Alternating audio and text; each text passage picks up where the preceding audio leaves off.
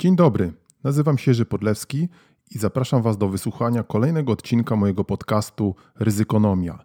Więcej ryzykonomii, informacji o moich e-bookach, usługach doradczych i szkoleniowych znajdziecie na stronie www.ryzykonomia.pl.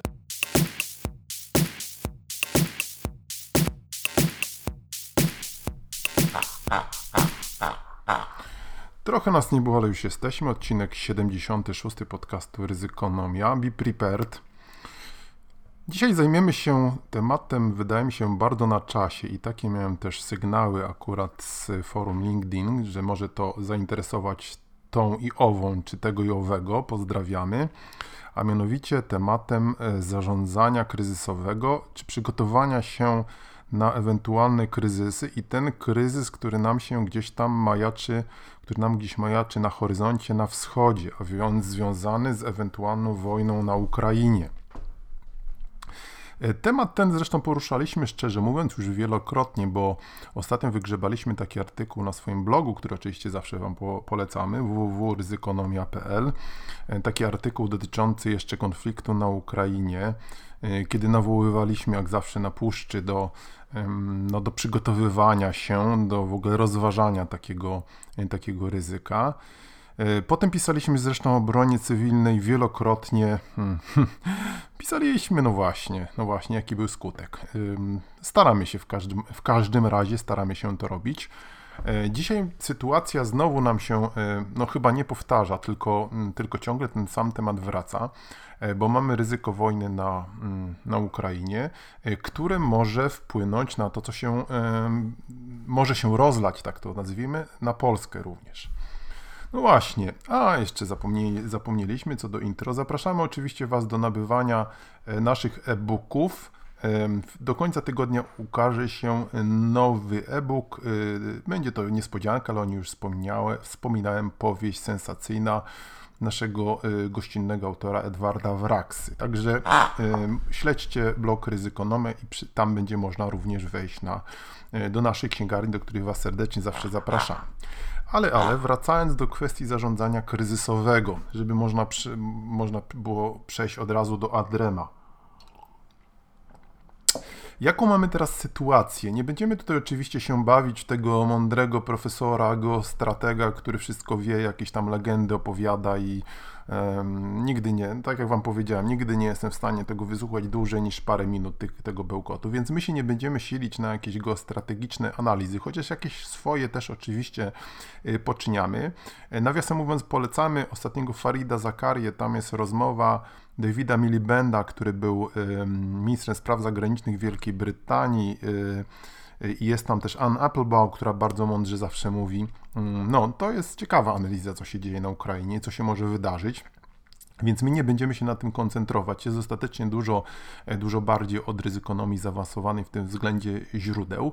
Natomiast, e, żeby wyjść, e, żeby przejść do tych kwestii, jak się ewentualnie przygotować na poziomie naszym, przede wszystkim osobistym, i o tym dzisiaj będziemy mówili, mm, to kilka słów naszych takich ogólnych, nazwijmy to, obserwacji. Jeszcze jeżeli chodzi o kwestie techniczne, to temat wydał nam się tak rozległy, że postanowiliśmy go podzielić na dwa odcinki, więc prawdopodobnie prawdopodobnie będziemy o tym jeszcze mówili w kolejnym odcinku. W tym się zajmiemy właśnie kwestiami, można powiedzieć, bliższymi ciału, czyli, czyli przygotowaniu gospodarstw domowych.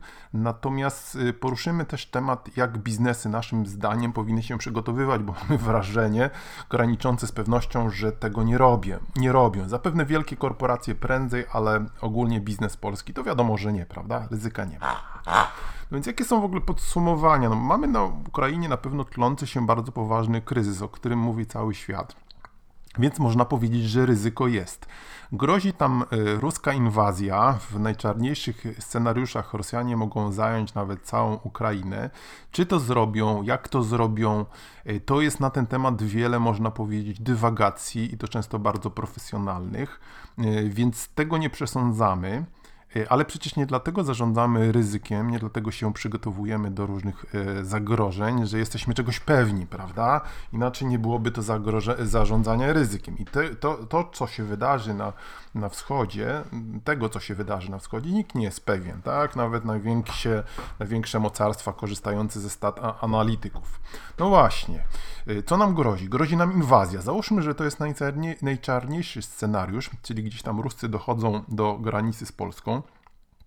E, wydaje się mało prawdopodobne jednak, że przy tych zgromadzonych siłach oni by ruszyli na Polskę. To się wydaje mało prawdopodobne, ale wiecie co, nigdy nie wiadomo. No. Wielokrotnie o tym mówiłem, że jeżeli weźmiemy pod uwagę chociażby pierwszą wojnę światową, drugą, ale wiele innych, to rzeczy nieprawdopodobne się wydawały prawdopodobne albo nie, były nieprawdopodobne teraz, a potem mogą być już prawdopodobne, tak? Weźmy chociażby kryzys w 1938 roku, Monachium, potem w 1939 wojna, prawda? Więc taką, taka sytuacja też istnieje, ale załóżmy nawet, że, że tutaj Ruscy nie szturmują Warszawy, z drugiej strony po co mieliby szturmować? Oni mają tu przecież wszędzie swoich ludzi ale przecież jest możliwe dużo y, innych form, jak to się ładnie dzisiaj nazywa, tej wojny hybrydowej, a więc cyberataki, na przykład na systemy energetyczne, na systemy wodociągowe, na wszelkie utilities, wszelkie dostarczające, e, dostarczające mm, właśnie jakieś ważne do życia mm, elementy, znaczy elementy w sensie usługi, tak? Y, mogą być jeszcze jakieś inne działania, y, o których trudno nam sobie teraz wyobrazić, jakieś wywoływanie jakichś zamieszek, czy ich, że tak powiem, stymulowanie. To można powiedzieć ogólny bałagan. To wszystko oczywiście może wpłynąć y, na sytuację naszą i naszych rodzin, prawda? I oczywiście, jeżeli teraz założymy, że, że istnieje prawdopodobieństwo, że coś takiego może się wydarzyć, a szczerze mówiąc, z tego co ja widzę i z tego co czytam, to prawdopodobne jest raczej, że to się wydarzy wcześniej niż później, prawda? Bo nawet trzymanie takiej liczby saudatów gdzieś tam na granicy to jest kosztowne, to jest trudne. Ci saudaty, prawda, tam siedzą, palą machorku, e, smartfonują na smartfonach i pewnie głupoty im przychodzą do głowy, więc e, nie mówiąc o tym, ile to kosztuje. Więc jeżeli coś miałoby się wydarzyć, to wcześniej, to jest jeszcze kwestia tam zamarzniętego gruntu, żeby ruskie tanki mo mogły jeździć. No, klasyka, prawda? Więc pewnie styczeń, luty. No właśnie, czyli przyjmujemy kolejne założenie, że się może wydarzyć. Następne założenie pewnie jest takie, że jeżeli się już wydarzy y, i nie będziemy na to w ogóle przygotowani, to już będzie po prostu za późno, tak? I to jest chyba w ogóle cały problem z zarządzaniem ryzykiem, prawda? E, tak jak na przykład też z ubezpieczeniem, które skądinąd jest przecież form, formułą zarządzania ryzykiem. No jak już się chałupa pali, to nikt nas nie ubezpieczy.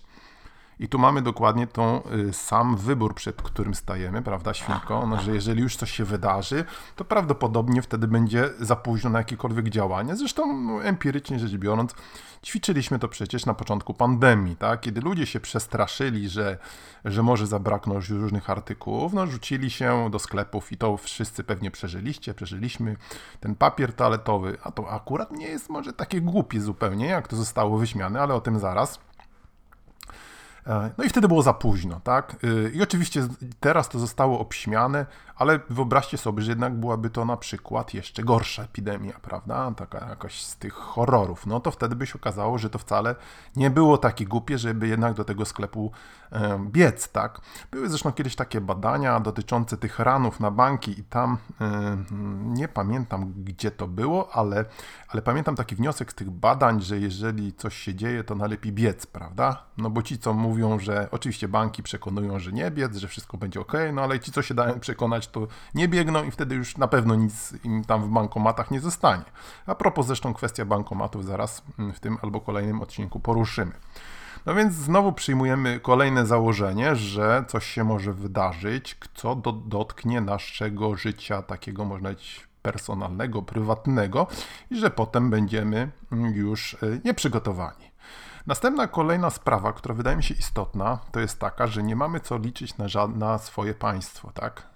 nie wiem, czy na żadne państwo, ale na pewno nie na państwo swoje.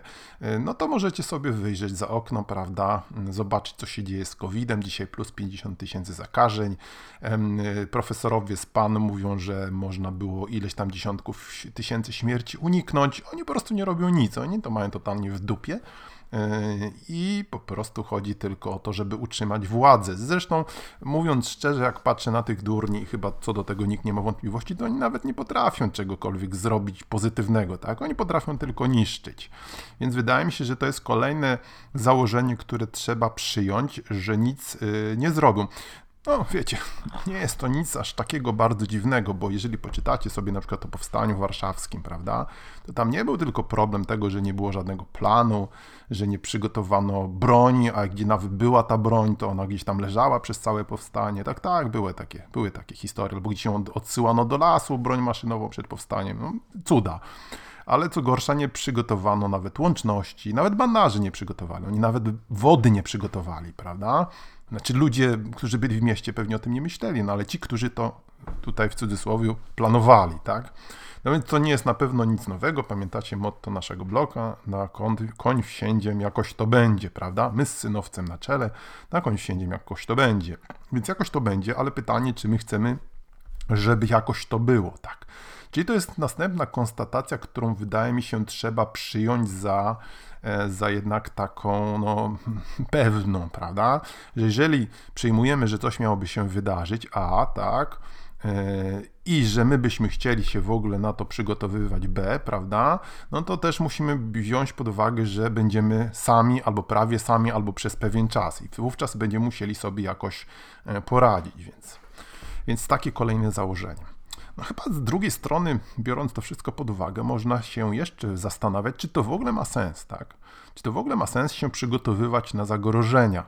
No i tu dochodzimy oczywiście do filozofii zarządzania ryzykiem. Czy warto być przygotowanym? E, to pytanie nie wydaje się takie znowu błahe, bo mówiąc Wam szczerze, mając już wieloletnie doświadczenie w przekonywaniu firm, ludzi do zarządzania ryzykiem, to znalezienie argumentu, że jednak warto wziąć pod uwagę przyszłość wcale nie jest takie proste, tak? No bo jak ludzi przekonać, że coś się może wydarzyć, ale nie musi, jak tutaj tyle rzeczy się wydarza na naraz, prawda, dzisiaj. To jest ten zresztą taki sławny business case, prawda? I takim klasycznym business case'em, który przygotowuje, który przy, może nie przygotowuje, który e, wróć, który przekonuje ludzi do zarządzania ryzykiem, jest jakaś wcześniejsza skucha, prawda? No, no, powiedzieliśmy, że tu będzie za późno, więc nie ma, na to nie mamy co liczyć. Moglibyśmy się oczywiście zapytać znajomych i, i rodziny, no ale tutaj raczej nie liczcie na pomoc, bo raczej was wyśmieją, prawda, mniej lub bardziej otwarcie, e, no bo generalnie rzecz biorąc ludzie się nie przygotowują, tak, e, no, raczej możecie liczyć prędzej na to właśnie, że was wyśmieją albo potraktują gdzieś tam, może nawet z jakąś tam czasami estymą, ale tak naprawdę to przecież nikt się nie przygotowuje, tak? No bo przecież stado się nie przygotowuje na, na, na, na jakieś zagrożenia. Tak, nie tylko zresztą wojnę z Ukrainą, więc to trzeba również wziąć pod uwagę, tu trzeba mieć trochę twardy tyłek, prawda? A może nawet nie mówić o tym, że my coś tam po cichu sobie chomikujemy. Też tak może być, prawda?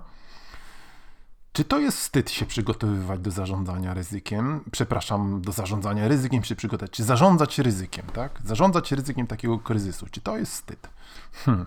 No właśnie, to znowu musicie sami sobie na to odpowiedzieć, bo to jest też, wydaje mi się, ważny taki czynnik psychologiczny, prawda?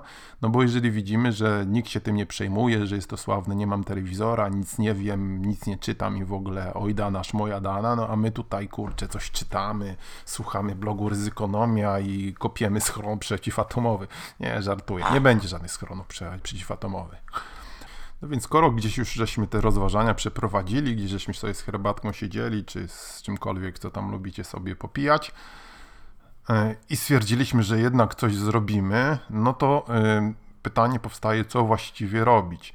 I tu wydaje mi się znowu kilka takich e, rozważań e, klasycznie ryzykonomicznych, ryzykomicznych, ryzykomaniackich się przydaje, a więc może zastanowienie się, jakie scenariusze przyjmiemy ewentualnych wydarzeń. I to się znowu odnosi do naszych wcześniejszych rozważań.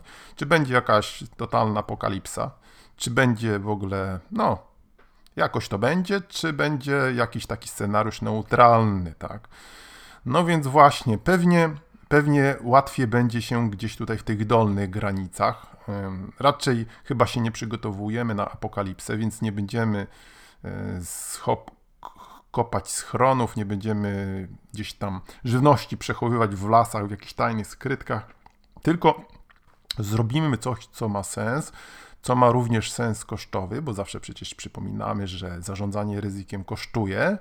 No i co da nam jakiś też komfort psychiczny. Tak to myślę najlepiej e, należałoby należałoby podsumować.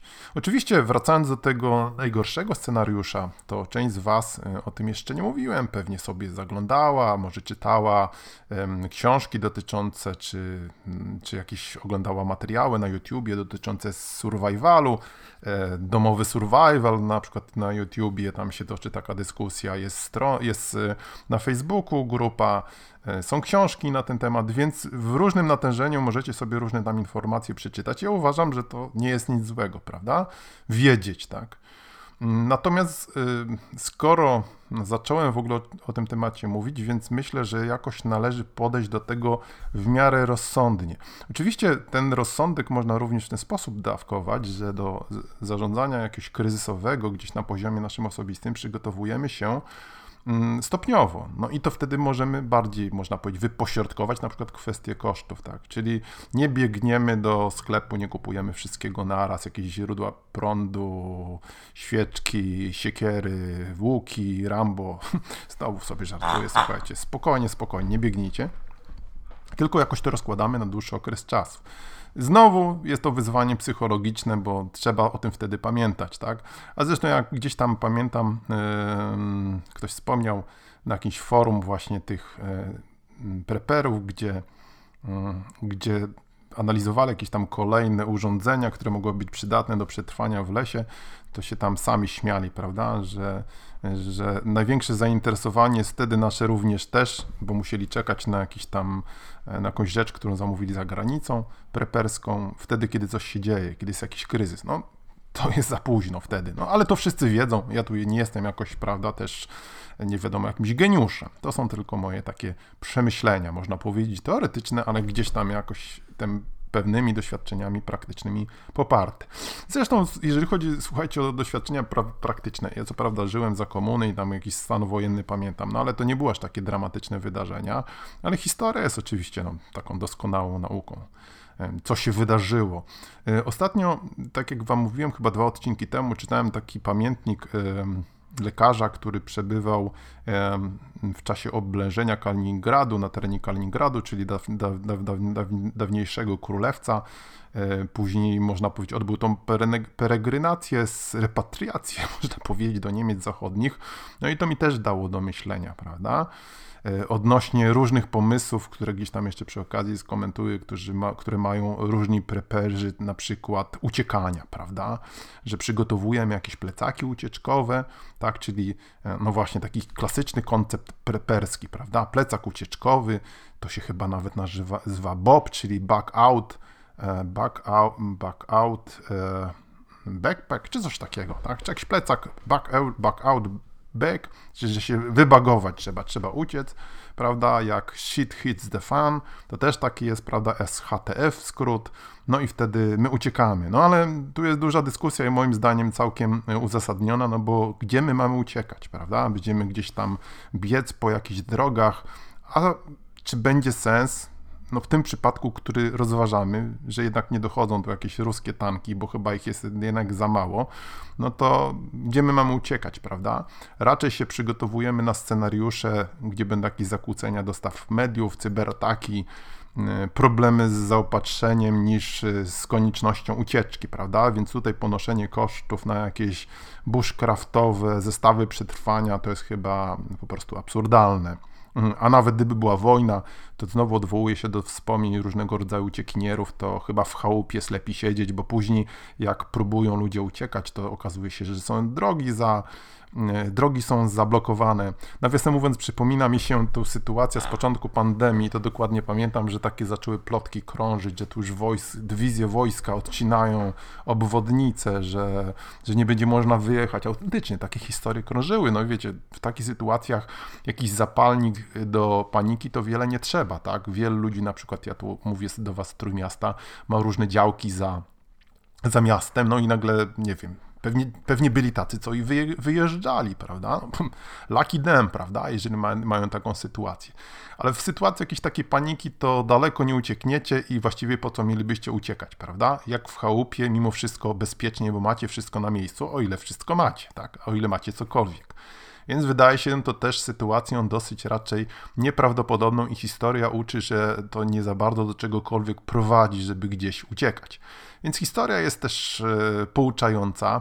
E, krążą również w internecie, tu odniosę się do różnych źródeł, takie teksty. Czasami to są apokryfy, czyli można powiedzieć takie właściwie pod różnymi nazwami występujące, z niby wspomnienia jakichś soldatów z Serbii albo z jakichś kryzysów i tak dalej, i tak. E, no, one potrafią być pouczające, bo tam są ciekawe myśli, prawda, dotyczące przetrwania. No ale znowu wydaje mi się, że rozpatrywać taki scenariusz, że na przykład Warszawa będzie oblężona, że tam będą biegali po metrze jacyś dzicy ludzie, że wy musicie być uzbrojeni w kałasznikowy, bo to nie wiem, coś się tam dziwnego wydarzy. Raczej to się wydaje kompletnie absurdalne, bo, mm, bo chyba to nie jest i, i zgodne z naszą historią, jakieś mimo wszystko duchem tego narodu, żeby jakieś tam bandy krążyły. Raczej będą krążyły jakieś bandy, jakichś żandarmów, prawda? I będą wszystko zamykały i nic nie pozwalały robić, niż to, że, że tam jacyś snajperzy będą strzelali Polacy do Polaków. Wydaje się to mimo wszystko mało prawdopodobne ale są takie elementy, które z każdej lektury wydaje mi się, że można, że można zaczerpnąć, tak? E, też nie wydaje się, żeby to nas Ruscy oblegali w miastach, no bo jak, gdzie, no oni nawet nie mają ani tyle wojska. Więc znowu wracamy do tych jakichś bardziej lightowych scenariuszy, które z drugiej strony pozwalają nam jednak ograniczyć ten swój zakres przygotowywania się do nienabywania łuków Rambo, nie, nie przygotowywania jakichś tam suwów. A propos teraz krąży po Facebooku, widzę taki znowu mm, z jakiegoś dziwnego portalu taki informacja, że rzekomo wojsko zaczęło, mm, wojsko zaczęło rekwirować suwy, czyli takie samochody terenowe, prawda? Akurat nie wiem, czy oni musieliby takie suwy um, rekwirować, bo wiele z tych słów to się do niczego nie nadaje, mimo że tam jakiś napędzik na cztery koła ma, prawda?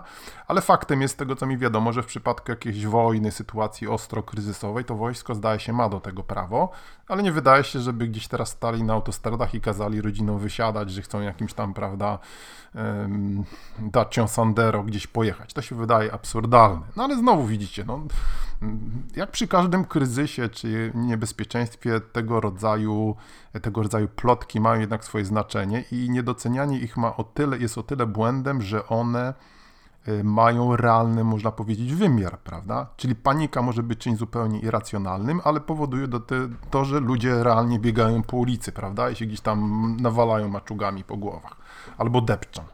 Więc to jest oczywista kwestia, no bo człowiek jest istotą w końcu irracjonalną, także w tym zakresie. Także to są takie główne scenariusze, które trzeba przyjąć, a więc jest kryzys. Stwierdzamy, skoro słuchacie nas dalej, że się jeszcze trzeba jakoś przygotować, tak, że on może wystąpić. Stwierdzamy, że nie przygotowujemy się na apokalipsę i przyjście zombie. Zombie są oczywiście bardzo popularni, a propos, pamiętacie jedna z moich książek, którą możecie też nabyć ciągle w księgarni Ryzykonomia, do której wejdziecie przez mój, przez mój blog. Um, um, mój bestseller z 2000 jeszcze chyba 14 roku, którego niedługo ukaże się, a niedługo to znaczy w ciągu, bardzo niedługo, um, w ciągu dni można powiedzieć, najbliższych, no może tygodni. No wiecie, zawsze jest to kwestia tej, tych kwestii technicznych. E, e, I tytuł tego, tytuł tej mojej książki, tego booka, mm, to było to jest zombie atakują. Ja tam wyjaśniam, że odnosi się do takiego pomysłu, który miało e, Center for Disease Prevention and Control amerykańskie. Oni opublikowali na swojej stronie taki, taką możliwość historyjkę o tym, że rzekomo zombie atakują i e, zamieścili też zdjęcia stosowne zombie, prawda, jakieś e, gustowne. No i e, chodziło o to, żeby ludzie pomyśleli o tym, jaką się przygotować na nadejście zombie, bo w gruncie rzeczy to przygotowanie się na nadejście zombie jest, jak tak spojrzeć, podobne na przygotowanie na nadejście ruskich, tak, czy jakiegokolwiek kryzysu. No właśnie, to znajdziecie na stronie CDC amerykańskiego. Zresztą postaramy się również uaktualnić gdzieś tam na swoich forach link do tego, e, do tej, do tej historii. Swoją drogą, skoro mowa o takich różnych organizacjach rządowych, e, to przypomina nam się tutaj e, raport NIK-u e, który pisał o obronie cywilnej chyba pierwszy raz jeszcze w 2000 bodajże 14 roku, z tego co pamiętam. E, w 2019 roku znalazłem też jest takie uaktualnienie.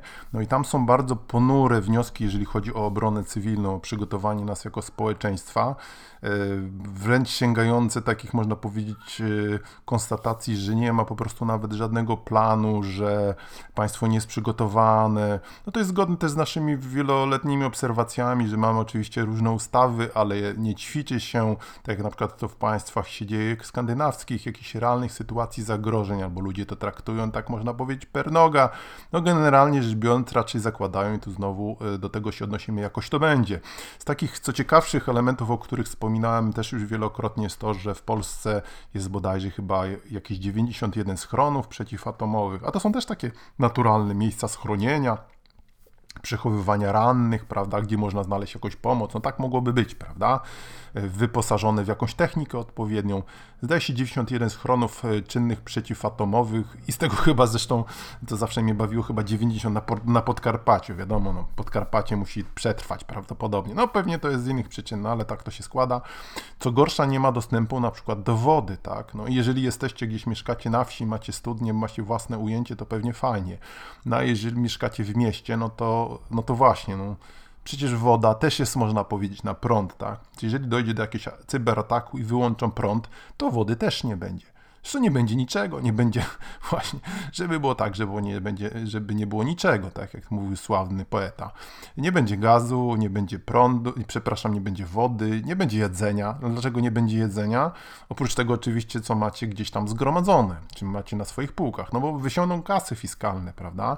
I nawet jeżeli, tak sobie ostatnio o tym myślałem, jeżeli przez pewien czas yy, ta sytuacja tylko potrwa i potem rząd umożliwi, nie wiem, sprzedawanie na zeszyt ludziom, prawda, albo ten prąd w końcu gdzieś tam znowu ruszy, no to przez pewien czas może nie być prądu, może nie być możliwości nabycia jakichś artykułów żywnościowych, yy, czy jakichś innych, które są dla Was akurat bardzo istotne, na przykład leków, tak?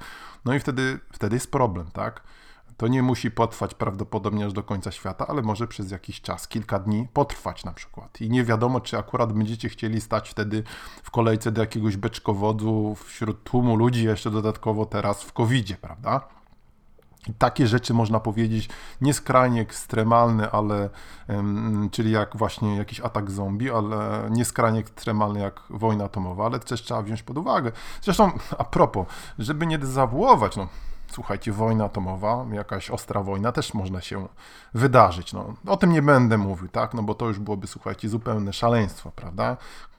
I przestalibyście mnie, mnie słuchać, a przecież chcę, żebyście jeszcze mnie żebyście mnie trochę posłuchali.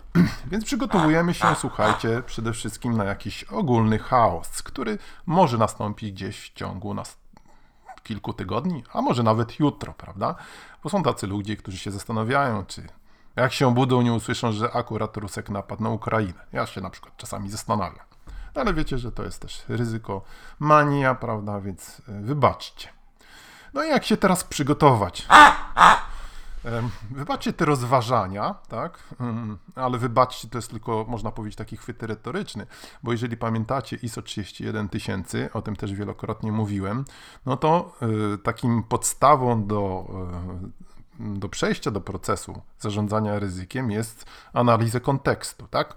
Czyli można powiedzieć, że myśmy sobie ten kontekst tutaj e, przeanalizowali, zidentyfikowali główne ryzyka, które mogą wystąpić przy czym to ma oczywiście ta identyfikacja, charakter dowolny, podcastowy i pewnie jeżeli byście usiedli z, z karteczką w ręce, to moglibyście to sobie uporządkować, albo jeżeli macie fotograficzną pamięć, to możecie sobie porządkować w myśli.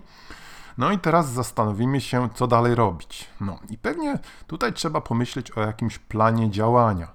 NIK wskazywał w tym raporcie z 2019 roku, który możecie też sobie łatwo wygooglać, ale też postaram się link wrzucić e, do informacji o tym podcaście na mediach społecznościowych.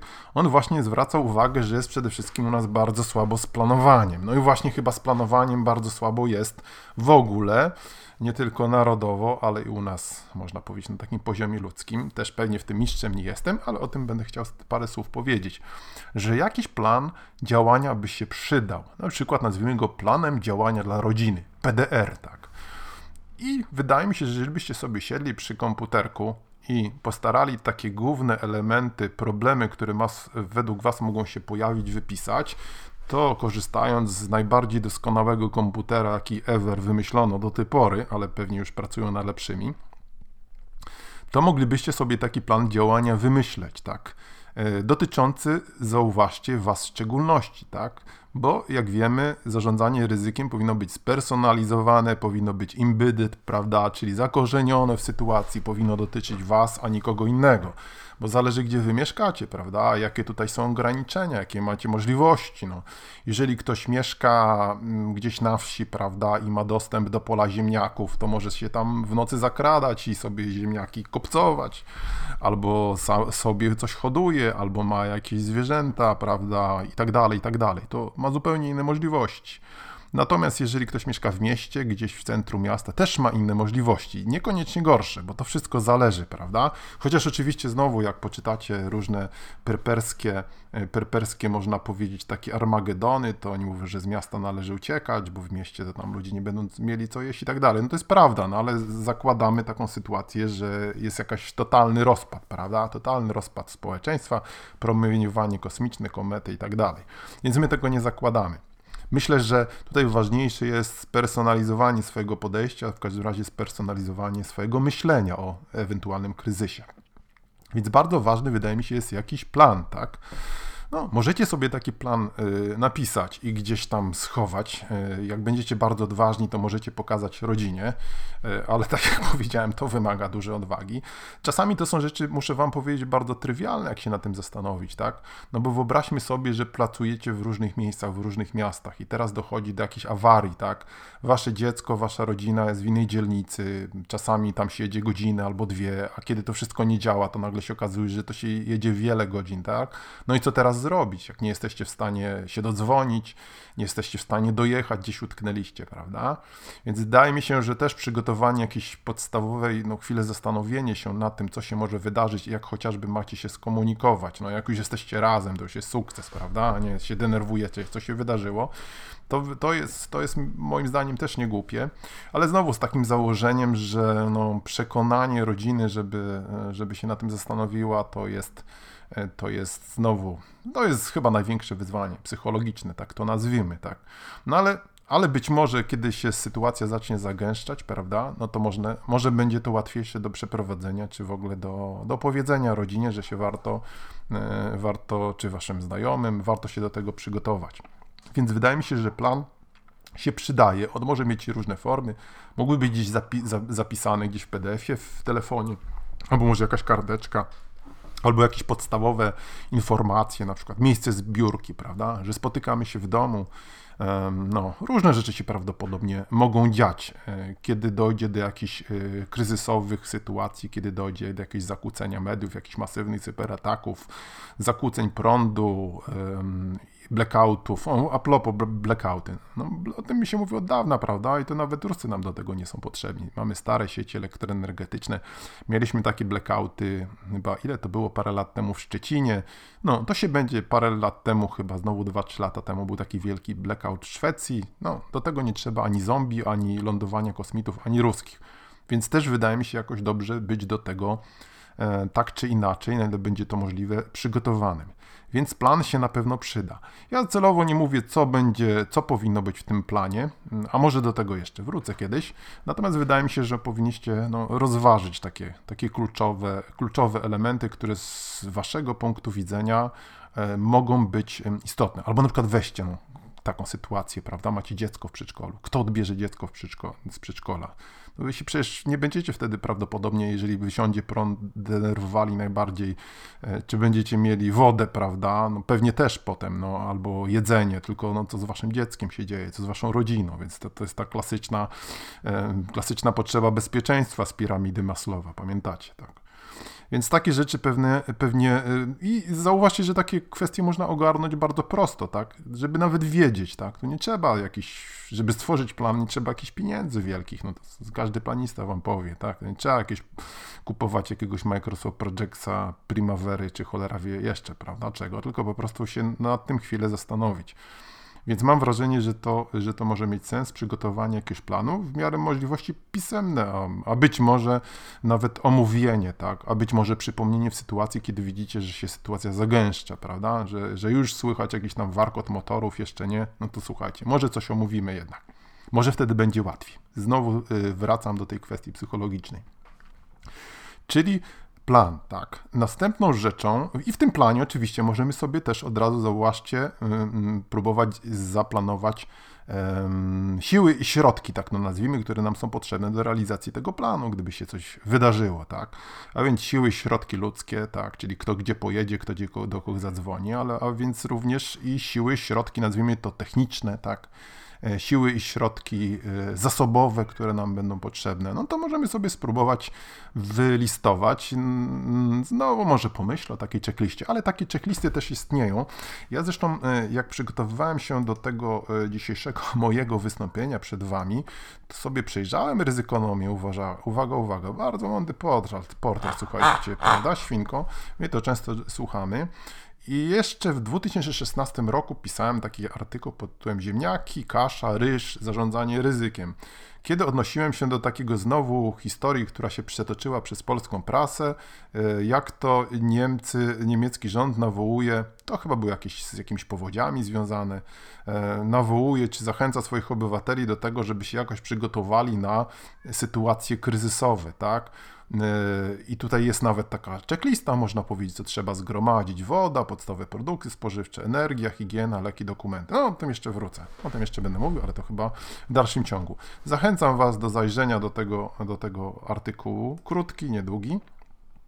Ale znowu takich, e, takich list znajdziecie masę e, i e, fajnie właśnie to chyba wtedy CDC opisywało. Zresztą Amerykanie, jak wiecie, mają dużą tradycję zarządzania kryzysowego, również dlatego, że to jest taki naród chyba, który zawsze sobie radził z różnymi kryzysami, można powiedzieć wespół zespół, dlatego, że oni mają też te swoje różne katastrofy naturalne, tą, tą aleję tornad, prawda, gdzie regularnie zmiata, zmiata cały, cały wsie, czy w Ameryce są wsie, całe miejscowości z powierzchni ziemi. No oni muszą sobie z tym radzić, więc, więc, e, więc takie rzeczy sobie tutaj rozwinęli. E, I to jest tak właśnie powiedziałem dosyć prosto, ale mamy też europejskie CDC. Ja sobie zajrzałem też na to Centrum Zarządzania, e, rządowe, cent, rządowe Centrum, jak oni się ładnie nazywają, kryzysowe chyba, tak? RCB, Rządowe Centrum Bezpieczeństwa, tak? Jak to się nazywa? Zaczekajcie. OWU, Rządowe Centrum Bezpieczeństwa, który nam wysyła te maile, słuchajcie, nie maile, smsy, czasami ma wieje, czasami nie wieje, ale chwała im za to, bo tych, pamiętacie też tragediach, które się tam w Wyrtlu wydarzyły i nie tylko. Ale tam nie znajdziecie specjalnie żadnych jakichś właśnie takich checklist, jakichś porad. E, słabo z tym jest, jakieś takie dziwne, e, ogólne, można powiedzieć, kwestie.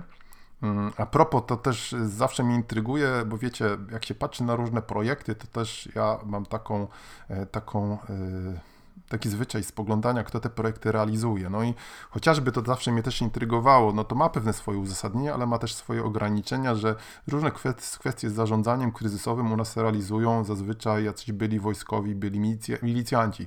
Z całym szacunkiem i oczywiście zdając sobie sprawę z przygotowania wieloaspektowego do różnych kryzysów, to takie osoby no, mają jednak też pewne ograniczenia i one też patrzą, wydaje mi się, na pewne kwestie pod względem militarnym, pod względem, no właśnie, mm, wydaje mi się, że, że byłyby lepiej, lepiej, gdyby się zajmowały, i to jest nic nowego, jakieś bardziej multidyscyplinarne mm, zespoły, prawda?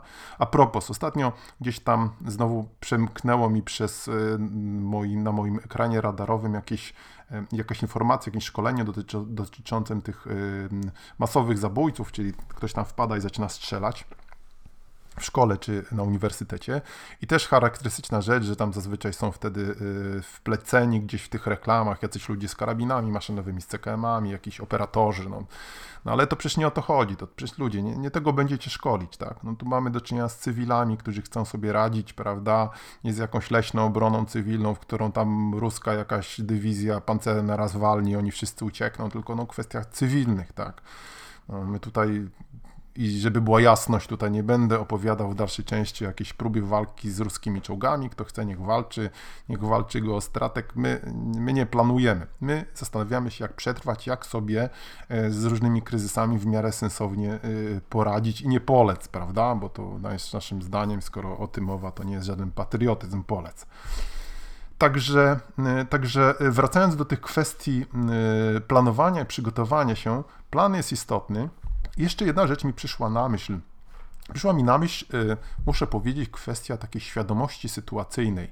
Y, to też na tym etapie planowania, która jest często też poruszana, jeżeli się mówi o różnych kwestiach kryzysowych, y, również na przykład jeżeli chodzi o możliwość jakichś zamachów terrorystycznych, czyli zorientowania się w ogóle, można powiedzieć, gdzie my jesteśmy, gdzie my żyjemy, E, jaka jest nasza sytuacja. O tym zresztą już wcześniej wspomniałem, tak?